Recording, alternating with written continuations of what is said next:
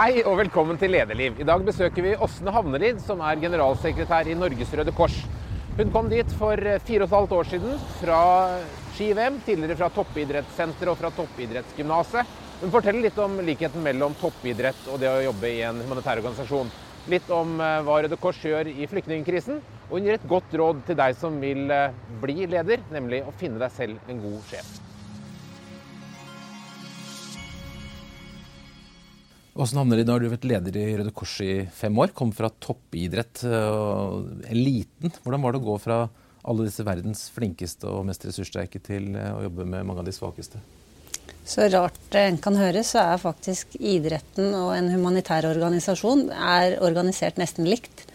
Den er de frivillige som virkelig gjør aktiviteten der ute. Du har lokalforeninger i Røde Kors, du har klubbene i idretten. Du har kretsene og distriktene, og du har miksen mellom frivillig tillitsvalgte og de ansatte. Og du har også den internasjonale dimensjonen.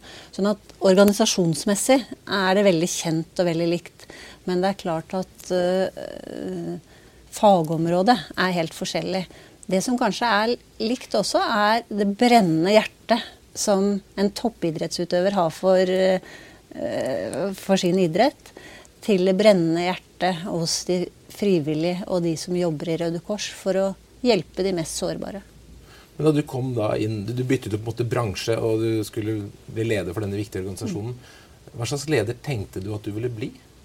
Jeg har nok veldig i ryggmargen eh, hos meg eh, dette med å være en involverende leder. Jeg har Hele lederfilosofien min har jeg fra idretten og toppidretten. Og det handler om å utvikle mennesker. Det handler om for meg å sette sammen lag som, som kan få til det utrolige sammen. Hver og en av oss kan vi være ganske gode, men sammen kan vi bli skikkelig utrolig gode. Og hele den grunnfilosofien fra idretten hadde jeg med meg inn også her. Og jeg tror nok at uh, jeg ble valgt også nettopp fordi jeg jobba med organisasjoner i store delen av livet mitt. Jeg var ingen politiker som mine forgjengere. Uh, samtidig så hadde jeg jo en bratt læringskurve når det gjaldt det humanitære fagfeltet. På idrett så er det ganske lett å måle når du er god. da. Det er jo konkurranse tiden. Hvordan, hva måler du, hva styrer du etter når du styrer Røde Kors? Man styrer jo etter at man virkelig Det man kaller på godt norsk Nei, eller det at du på godt norsk sier god impact, humanitær. Altså at du virkelig får hjulpet de mest sårbare. Altså, Røde Kors gjør noe som vi kaller Røde Kors-vurderingen. Hva er de humanitære behovene? Eh, og er det andre som dekker de behovene, eller er det naturlig at det er Røde Kors som skal inn og dekke de? Eh, og, og, vi blir jo også målt både av de som gir oss penger og av oss sjøl på at vi virkelig gjør en, eh, en humanitær nytte. Da. At vi hjelper de som virkelig trenger det. Hvor gode er dere nå? Har dere satt noen personlig rekord i det siste? Vi tenker ikke helt på den måten, men, men samtidig så er vi som organisasjon Vi har jobba veldig nå med, med målstyring eh, i, i, en prosess sammen hele hele Røde Kors. Ikke bare her på hovedkontoret, men ute i fylkene, ute i lokallagene. Nettopp for å se om driver vi med de riktige tingene der det virkelig er størst behov. Og det har vært en veldig spennende prosess eh, som vi kaller Mot felles mål. Eh, at vi virkelig skal jobbe for de som trenger oss mest, og som andre ikke gir den hjelpen. Hvem er det som trenger det mest nå, da? Sånn som verden er nå, så vi har den største flyktning krisen, vil jeg kalle det. Mange kaller det katastrofe, men krisen sin annen verdenskrig. 60 millioner mennesker på flukt. Eh, av de så er det i fjor kun én million som kom til Norge. Nei, til Europa. Ja. 30 mm. 000 til Norge. Dette er håndterbart, mener jeg, for Europa, og også her hjemme. Eh, men det er klart, situasjonen i Midtøsten, Syria eh, mange andre land med glemte konflikter, eh, pluss flyktningarbeidet her hjemme. Det er veldig mye det som står på agendaen vår om dagen. Dere engasjerte veldig mye i akkurat med flyktningene. Er, det, er Norge avhengig av frivillig sektor for å håndtere den flyktningstrømmen? Jeg tror at Skal vi få til god integrering her hjemme, så er vi helt avhengig av eh, frivillige organisasjoner. Eh, offentlige myndigheter, men også privat sektor. Og her må vi alle bidra. For sammen kan vi virkelig få dette godt til. Men vi må gjøre en forskjell hver og en av oss. Dere har gått ut og mobilisert en del, eller oppfordret folk til å melde seg og til, mm. til å hjelpe. Hvordan har responsen vært? Det har vært helt eh, eventyrlig hvordan det norske folk har respondert. Vi har fått uh, mer enn en, ja, Nå er vi vel oppe i 22 000 som har rukket opp hånda og sagt at jeg vil gjerne være frivillig for Røde Kors. Eh, og gjøre en forskjell. Eh, og det er et enormt tall. Vi har i dag, eh, før dette, 42 000 frivillige i Norge. Og det er nesten 50% økning. Så er det ikke alle de som blir frivillige, men det viser noe om hva som rører folk. Og viljen til faktisk å hjelpe og gjøre en forskjell. Hvem er den typiske frivillige da, som melder seg for å hjelpe flyktninger? Det er i hele spennet. Det er det som er så flott og fascinerende. Fra en som er godt voksen i pensjonsalderen, til en ung student, til en som har vært flyktning sjøl. Eh, kvinner og menn. Eh, sånn at det, det syns jeg er fascinerende. At dette er fra folk fra alle samfunnslag. Så frivilligheten lever i Den lever. Mange tror at den, den lever i høyeste beste velgående. Mm. Og det er jo det som er spesielt med Røde Kors. Nå er ikke jeg spesielt eh, Jeg kan ikke kalles for eh, habil, kanskje, men, men Røde Kors og Røde Kors-bevegelsen er jo tufta på frivillighet. Eh, vi er i 191 land. Og det er de frivillige som faktisk utfører arbeidet på bakken. Tenk deg hvis du bodde i ei lita bygd i Norge, og det gikk et snøskred. Da var det ikke noe, kanskje noe lensmann i bygda eller annet hjelpeapparat. Da er det en lokalt frivillig, ofte hjelpekorpset, som er først på stedet og graver deg fram. Tilsvarende har du de frivillige inne i Syria. Det er de som bor og lever der. De kjenner de lokale forholdene, de kjenner menneskene og har tilgangen. Du må ikke leie inn noen som skal inn og gjøre jobben. Og det, det syns jeg er unikt med Røde Kors. At du, du når mennesker der de bor. Og du gjør folk i stand til å hjelpe eh, seg sjøl.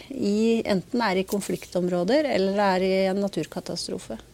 Men dere er jo så utrolig brede. Altså det er alt fra hjelpekorps i fjellet til å hjelpe flyktninger til mm. eh, ensomhet mm. og integrering og Afrika. Altså det er enormt bredde. Hvordan klarer dere å prioritere?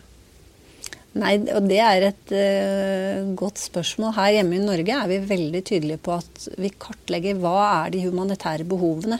Hvis du går i ei bygd da, og den prosessen vi har kjørt mot felles mål Hvis du lever i en by eller i en bygd så, og er en lokalforening, så gjør du en behovsanalyse. Hva, hvem er mest sårbare i bygda vår eller i byen vår? Hvem er det som trenger mest hjelp? Og det, får de hjelp av andre, eller er det noe vi skal gå inn på? Og da går vi inn og ser at her er det eksempelvis mange flyktninger som nå er kommet. Det kan være mange ensomme eldre. Eh, det kan være skoledropouts av ungdom. Og så ser man at her er det et behov. Og nå må vi dekke gapet og få frivillige som jobber med aktivitet innafor det. Men du får den organisasjonen et veldig spenn, da, for du har dette laget med flinke folk som du har satt sammen, og som du lønner. Mm. Og så har du en mm. tusenvis av andre som kommer med alle mulige slags bakgrunn og kompetanse. Hvordan, mm. hvordan, hvilke utfordringer gir det at det er sånn strekk i kompetanse? Det er en god dynamikk, og det er de frivillige som er Røde Kors. Vi som er ansatt, vi er tilretteleggere for at de skal kunne få gjøre jobben sin der ute. Og det er det som er det unike med frivilligheten. At den den trenger tilrettelegging, men den har en helt annen motivasjon og drive. Altså hvis du følte deg ensom, og det kom en som var betalt for det, og så sånn på klokka at 'nå må jeg gå, for nå er jeg ikke betalt for mer', så gjør det noe med deg. Kommer det en som vil besøke deg fordi han er frivillig og vil prate med deg, bli kjent med deg, så skapes en helt annen dynamikk eh, og en verdighet i menneskemøtene sånn at frivilligheten har en tilleggsdimensjon. Ikke bare eh, det at du hjelper noen. Du gjør det med verdighet og en gjensidighet. Og så er frivilligheten i seg sjøl også en nettverksarena. Men dere gir også folk lederansvar på forskjellige områder. Hva er det dere ser etter Hva er en god leder i Røde Kors-systemet? En god leder er en som involverer, inkluderer, er anerkjennende i sin form. Ser mennesker. Gir de utviklingsmuligheter. Og er tufta selvfølgelig på Røde Kors prinsipper og verdigrunnlag. Mm. Verdier er veldig viktige for meg. Hvordan jobber du i praksis med å få de verdiene til å sitte i hele organisasjonen? Røde Kors har noen grunnprinsipper, sju grunnprinsipper som liksom er worldwide, internasjonale, som alle kjenner veldig godt til. Dette at man er humanitære, man er tufta på frivillighet, man er nøytral, for å nevne noen. Så har vi jobba i hele organisasjonen i Norge og sagt hva innebærer dette? Hvilke verdier må prege oss da? Og da har vi hørt en veldig brei prosess. Det nytter ikke å vedta noen verdier i et styrerom, eh, og så tro at hele organisasjonen vil følge det. Da har det vært at alle har fått vært med og, og gitt innspill, og så har man til, til sist skåret de ned. Eh, og så har hele organisasjonen jobbet med å si hva innebærer det for meg. Vi, vi, har noen verdier som jeg vet du vil huske etter at du går ut herfra. Våre verdier er håp. Og der står hver bokstav for noe. Det står for H-en står for at vi er humanitære. Å-en at vi er åpne. Og P-en at vi er pålitelige. Og sammen gjør det at vi gir mennesker håp. Og så må hver og en si noe om hva innebærer det for meg. Hvordan skal jeg, både når jeg skal jobbe opp mot sårbare grupper, eller de som trenger meg, men også når jeg skal jobbe med kollegaer, med frivillige, med tillitsvalgte. Du sa du hadde jobbet med organisasjonsliv i mange år, da, fra idrett til, eh, til Røde Kors nå. Uh, I den tiden så har det skjedd ganske mye på kommunikasjonsteknologi. Mm. altså mm. sosiale medier. Så hvilke konsekvenser får det for Hvordan endrer det måten å drive organisasjons på? Vi har jo en tilgjengelighet i organisasjonen og til vårt frivillige apparat på en helt annen måte. Og også til eh, brukerne av våre tjenester. Jeg skulle nok vært enda bedre i sosiale medier sjøl, men jeg har jo flinke folk eh, rundt meg. Men jeg ser jo en enorm Og jeg tror verden vil endre seg. Særlig når det gjelder det de som, de som trenger hjelp, vil gjøre en større vurdering av hvilken organisasjon kan hjelpe meg best. Mhm. Sånn at vi må være i stand til å stadig utvikle oss. Uh, så sier du at flyktninger for bruker sosiale medier for å orientere seg mot Røde Kors? Jeg ser at de vil uh, Mange reagerer jo på hvorfor en flyktning har en mobiltelefon. Hva ville du tatt med deg hvis vi måtte dra her og nå og ble bomba og beskutt? Mobilen er et overlevelsesverktøy, og det er klart da kan de få eh, de kan få beskjed fra venner, fra familie som kanskje har reist foran i flukten, uh, hvor de bør henvende seg, hvor de kan få hjelp Eh, det trenger ikke bare være Røde Kors, men også andre organisasjoner. Verden er mye, blitt mye mindre, og vi er mye mer opplyste. Eh, og selv i de mest eh, krevende nødhjelpssituasjoner som jeg er i, om det er i de fattigste strøk, så fins det veldig ofte en mobiltelefon. Mm. Så de er mye mer opplyste om verden i dag enn tidligere. Og det, det at blir mer, alt blir mer åpent og det blir mm. mer innsyn, former det lederjobben din på noen måte? Ja, men Det med åpenhet har alltid vært liksom helt uh, grunnleggende hos meg. Uh, så jeg syns det er bra. For uh, det at du har en åpenhet og en tilgjengelighet, gjør at verden blir mer transparent også. beslutninger, hva du gjør. Så det tror jeg er bra. Men jeg tror vi har sammen mye å gå på når det gjelder bruk av sosiale medier, og hvordan den digitale utviklingen vil gå. I positiv forstand. Og så gjelder det å henge med i svingene da, når man er godt voksen, så man klarer å følge med. Du ble jo kastet inn i en, en tid i Røde Kors hvor det skjedde ganske mye spennende. Du kom inn vel omtrent rett etter 22. juli, og så har det vært uh, flyktningutfordringer mm. som vi kanskje ikke forutså. Eh, hvilke deler av liksom, din lederbagasje har du hatt mest bruk for i, i den tiden du har vært her? Og et veldig bredt spekter. Men det er som du sier, jeg skulle egentlig startet i august øh, 2011. Uh, men når vi fikk 22.07, så slapp vi jo alle det vi hadde, og, og ble kastet inn i det. Uh, og den rollen som Røde Kors tok der. Eh, da tenkte man liksom på at her må alle gjøre det vi kan for å hjelpe. Men jeg tror for meg er det det å, å involvere og, og, virkelig ha gode team. Altså, i, i, toppidretten kalte vi det prestasjonsteam. Uh, det høres litt mer skummelt ut i her jeg er nå, men altså velfungerende team. Og det kan høres veldig banalt ut, men jeg har liksom sånn grunnleggende tro på det. For det første må du sette veldig tydelig retning og mål. Hva er det vi skal eh, gjøre? Og så må du bygge og sette sammen organisasjonen for å nå de målene. Og så må du trene den eh, eh for å klare å levere på disse målene. Hva er kjennetegnet på at et team ikke er som det skal? da? Du har for like mennesker. Altså hvordan, hvordan, hvordan, ser du det? Hvordan hvis, ser du at dette teamet er ikke bra? Hvis du skulle sagt At man bare er enig hele tiden. Det kan være rett at man har uh, for stor grad av, uh, av, likhet i et team. Hvis jeg skulle brukt idretten, da, hvis du bare skulle tatt ut elleve spisser eller elleve keepere, så ville vi skjønt det. I jobbsammenheng gjør vi det noen ganger. Uh, og det ser jeg at Klarer du ikke å få til den komplementærheten der, så klarer du ikke å skape de resultatene som er mulig. Altså Hvis vi bruker hverandre Vi kan ta oss sammen. Jeg kan ta meg sammen på områder som jeg kanskje ikke er så god på. Men hvis jeg har en annen som er drita god på det som jeg kan samspille med, så får vi en helt annen dynamikk. Og det Men Betyr det at hvis du har, har et team som er veldig harmonisk, så kan du si at er, her er det for lite uh, ulikheter? Nei, nei, men jeg tror at du, kan godt ha et harmonisk team fordi det er veldig trygg, har trygghet, må ha trygghet i bånd. Altså, du må vite at dette gjør vi for å skape resultater og gjør, for å gjøre det beste vi kan for hverandre for å oppnå de resultatene. Eh, så kan du godt ha et harmonisk og trygt team, men da tør du også ha de, de, tøffe debattene på fag og innhold, og ikke ta det personlig, men, men tør å ha den dynamikken. Eh, det lærte jeg jo enormt av i toppidretten, hvor, hvor vi er ikke like vant til å kanskje være like tøffe i andre deler av organisasjonslivet, men der hadde vi den grunntryggheten i bånn. At man var ikke ute etter å ta deg, men for å skape dynamikk og utvikling. Vi gjorde et annet intervju her på Lederliv med Aslak Sira Myhre hvor vi snakket om idrett og, og, det å lære fra idretten inn i næringslivet. Mm. Han mente at det var noe ordentlig vås, mm. at man ikke kunne hente noe fra mm. idretten inn i næringslivet. Så hva mener du? Er, ja, og det må han gjerne synes, men der er jeg helt uenig. For det handler om mennesker. Det handler om hvordan få fram det beste i hver og en.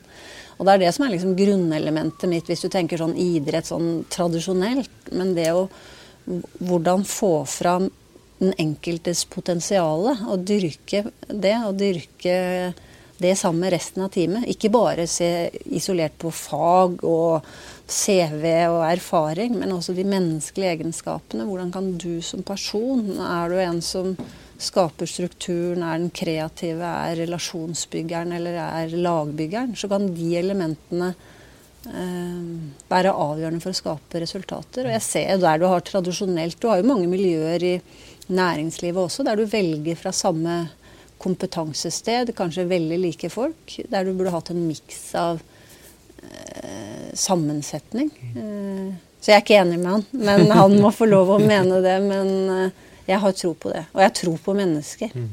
Men Du har bakgrunn som idrettstrener, så du, vant, du har vært på toppidrettsgymnas og sagt til ungdom hvordan de skal bli gode mm. idrettsfolk. Hvis du skulle vært ledertrener, da, til å gå til mm. ungdom og sagt hvordan de skal bli god leder, hva skulle du si da? Hvordan blir man god leder?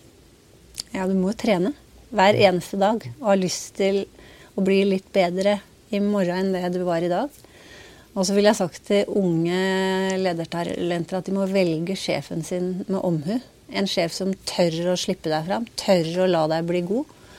Eh, og det at du er nysgjerrig, og at du er villig til å hive deg litt opp ut på dypt vann. At du ikke alltid er i komfortsonen, men at du tenker at hvis jeg får litt støtte og hjelp, så skal jeg få dette til. Sånn at du klatrer på en måte i utviklingstrappa. Mm. Men det å velge eh, Jeg ville vært veldig bevisst uh, hvis, i lederbiten med å velge riktig sjef. Hvis du skulle, eller Har du noen sånne har du noen, noen mantra eller visdomsord eller læresetninger som du prøver å huske på som leder? Verdier er viktig for meg. Hele det, altså At hele Hele meg er tufta på et solid verdigrunnlag. Du må være ærlig med deg selv, ærlig med dine omgivelser. Eh, så jeg er vel ikke noen sånn Noen vil kanskje si jeg er for, for ordentlig på det. Men det er liksom noen grunnelementer hos meg som jeg ikke fraviker. Og så, opplever jeg nok det at, noen, det at jeg er involverende og veldig prosessorientert, kan noen mistolke også at de tenker at Eh, nå involverer hun så mye fordi at hun ikke eh, vil ta beslutningen selv.